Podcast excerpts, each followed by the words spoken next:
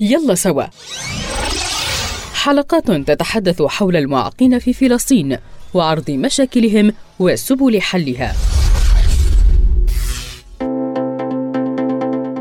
أرحب بكم أنا زينة نبهان في أزدام بودكاست وحلقة جديدة من حلقات بودكاست. يلا سوا برعاية بنك فلسطين. وحلقة اليوم حول متلازمة داون. متلازمة داون هي مجموعة من الصفات الجسدية والنفسية التي تنتج عن مشكلة في الجينات وتحدث في مرحلة مبكرة ما قبل الولادة. ويكون الأولاد الذين يعانون من متلازمة داون ذوي ملامح مميزة كما يعاني هؤلاء غالبا من التخلف العقلي بدرجة معينة.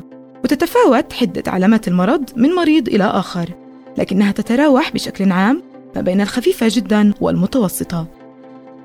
أما عن أعراض متلازمة داون فهي كالتالي العيون المرفوعة إلى أعلى ذات الشقوق انخفاض في قوة العضلات قصر في القامة والرقبة أنف مسطح تجاعيد عميقة في راحة اليد لسان بارز مسافة كبيرة بين إصبع القدم الكبير والثاني توتر عضلي هشاشة في المفاصل رقبة قصيرة رأس صغير.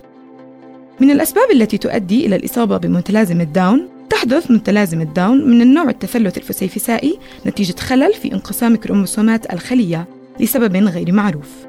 أما النوع الانتقالي من متلازمة داون فقد يحدث بسبب العامل الوراثي.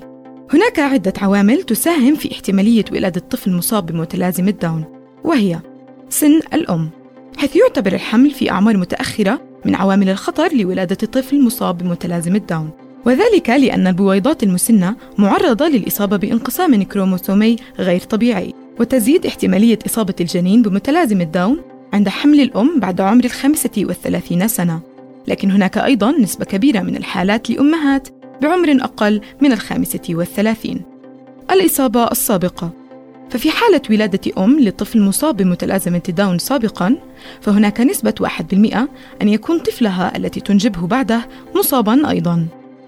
وجود كروموسوم انتقالي عند أحد الآباء.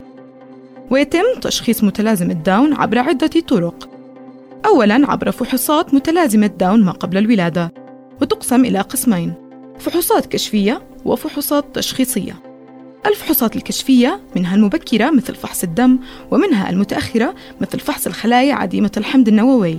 أما عن الفحوصات التشخيصية مثل فحص السائل الأمنيوسي وفحص دم سرة الجنين وتحليل متلازمة داون بعد الولادة. أما عن علاج متلازمة داون لا يوجد علاج لمتلازمة داون ولكن يمكن أن تساعد برامج العلاج والدعم المبكر في جعل الشخص المصاب بمتلازمة داون يكتسب بعض المهارات المهمة مثل المهارات الحسية والمهارات الاجتماعية ومهارات المساعدة الذاتية والقدرات اللغوية والمعرفية.